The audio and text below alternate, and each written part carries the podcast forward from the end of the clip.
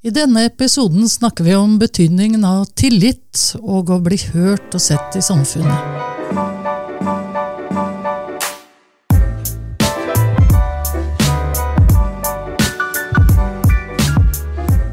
Og vi to som skal snakke om dette, er Camilla Hopen heter jeg. Eh, Jeg har erfaring fra barnehage, sykehjem og tilrettelagt arbeidsplass. Jeg Har leilighet i et en vanlig borettslag og synger i et kor på fritiden.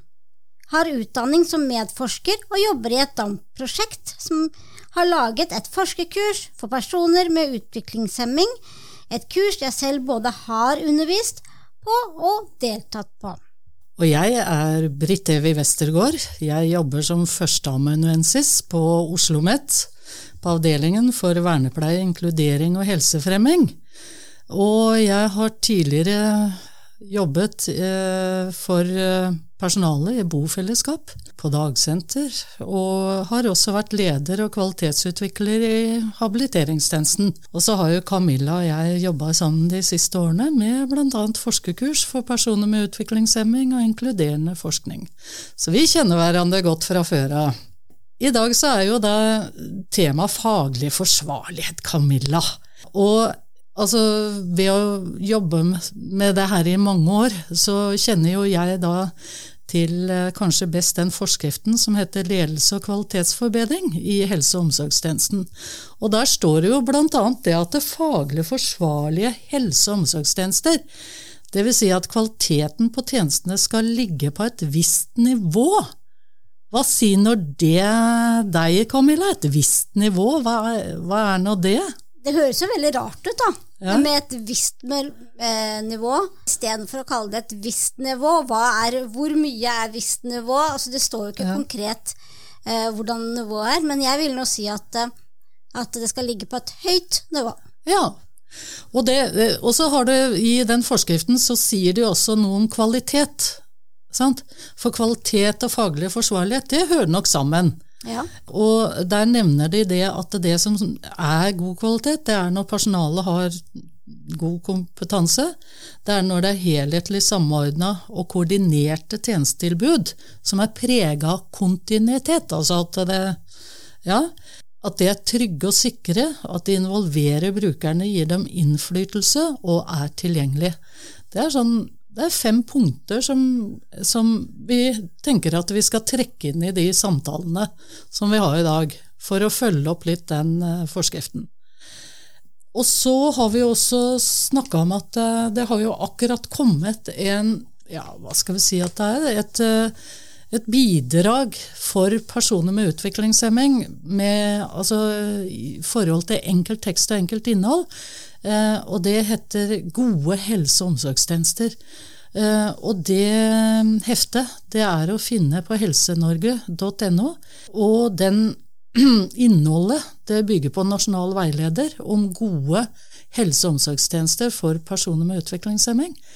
Eh, Så det har vi tenkt å ha som utgangspunkt. Og det heftet det bygger også på en eh, rapport som er skrevet eh, Altså resultater fra fokusgrupper som personer med utviklingshemming har eh, hatt, hvor de har diskutert temaer som veilederen inneholder. Men disse temaene, da. Blant annet så er jo det første temaet i det informasjonsheftet med enkel tekst, det er 'personalet må kjenne meg'. Hva tenker du om det, Camilla? Jeg tenker jo at det må jo gå begge veier, da. Ja, Eh, at eh, det er jo ikke bare det at personalet skal kjenne meg, men at, at jeg skal være trygg og kjenne personalet òg. ja viktig. Og det, der tror jeg du, du peker på noe veldig viktig, for det er jo ganske mange eh, tjenestebrukere i dag som opplever at de har store personalgrupper. Og jeg kjenner jo også noen som sier at eh, når jeg spør ja, hvem liker du best av personal, da? Og så sier jeg jeg liker dem som har jobba her lengst, sier de.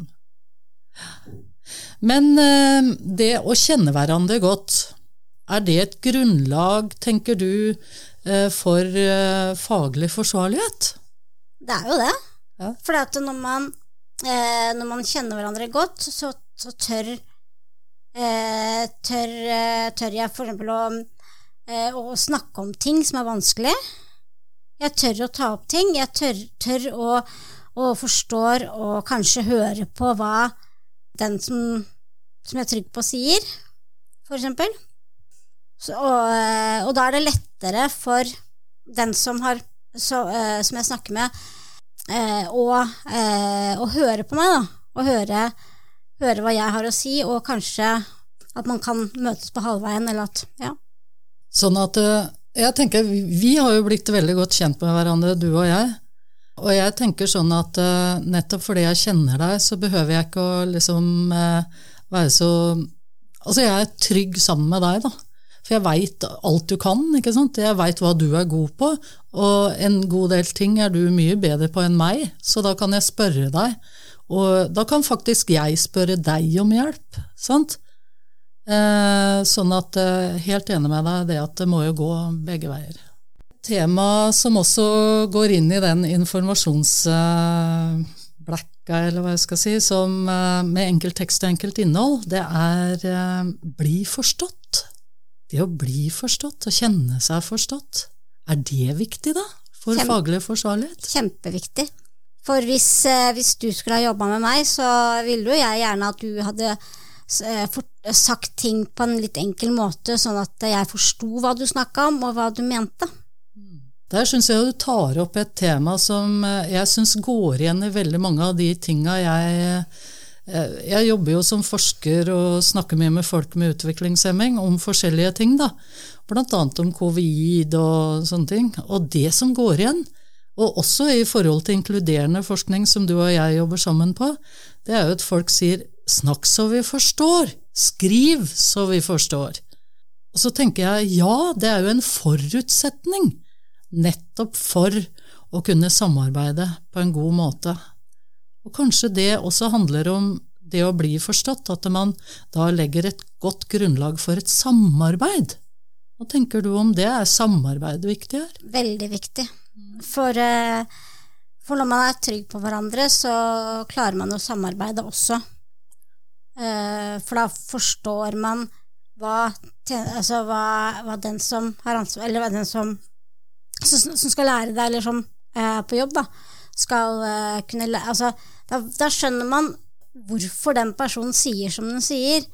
Da skjønner man hva en mener. Man skjønner at den personen bryr seg. Mm. Så det er liksom Ja. Og der syns jeg du er inne på kanskje det som vi har snakka om tidligere, altså det å, å, kjenne hverandres uh, historie, kanskje. Mm. Mm. Bestemme selv. Camilla. Alle snakker om det der å bestemme sjøl. Jeg bestemmer i livet mitt, det er en menneskerettighet. Hvilket forhold har du til det, det der å bestemme sjøl? Altså, jeg har jo et godt forhold til det. Men jeg kjenner jo andre som ikke får lov til å bestemme så mye selv. Enten om de bor i et bofellesskap, eller om man har foreldre i nærheten. For det er veldig vanlig å overbeskytte ungene sine, eller overbeskytte eh, tjenestebrukerne. Eh, der er du inne på det der forholdet forhold til foreldrene sine, da. At det kanskje kan, hvis man trenger en del eh, hjelp i hverdagen, at det er litt vanskelig å løsrive seg.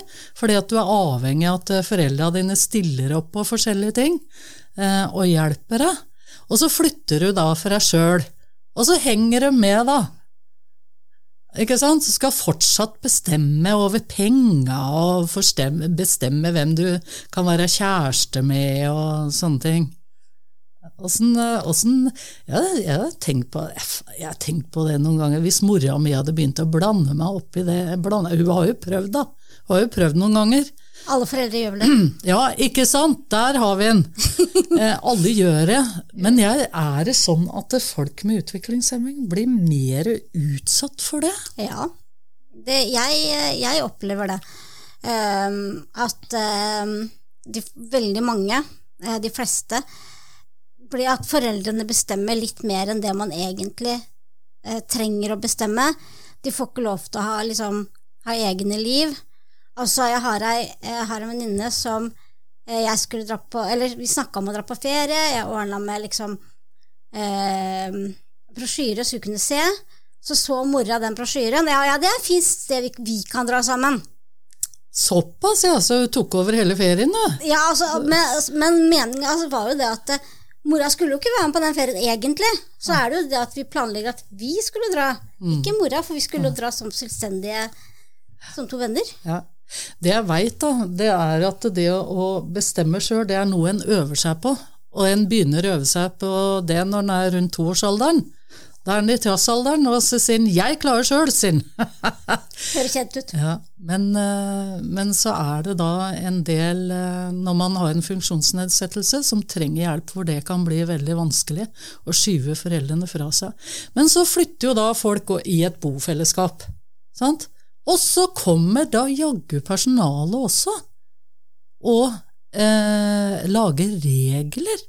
Jeg veit at du har et eh, himlans godt eksempel der, eh, Camilla. Det der når personalet plutselig liksom lager litt regler for de som bor der. Kan du si noe om det? Altså, når personalet skal lage, lage, lage, regler, så er det liksom så er det jo greit å si det sånn at eh, personen som skal ha de reglene, forstår hva det er, og får tid til å tenke om er jeg enig i det, eller er jeg ikke. Men noen ganger så eh, sier personalet ja, nå skal vi ha sånn, så nå bestemmer jeg at sånn og sånn blir det. Og reglene dine er sånn, du må være hjemme klokka ti, og ikke ha noen venner på besøk i uka, eller Ikke sant? Og så sitter den personen der Hva er, det, hva, hva, hva er det hun har bestemt nå? Hva, har jeg liksom ikke sagt Hva, er det jeg Ikke sant?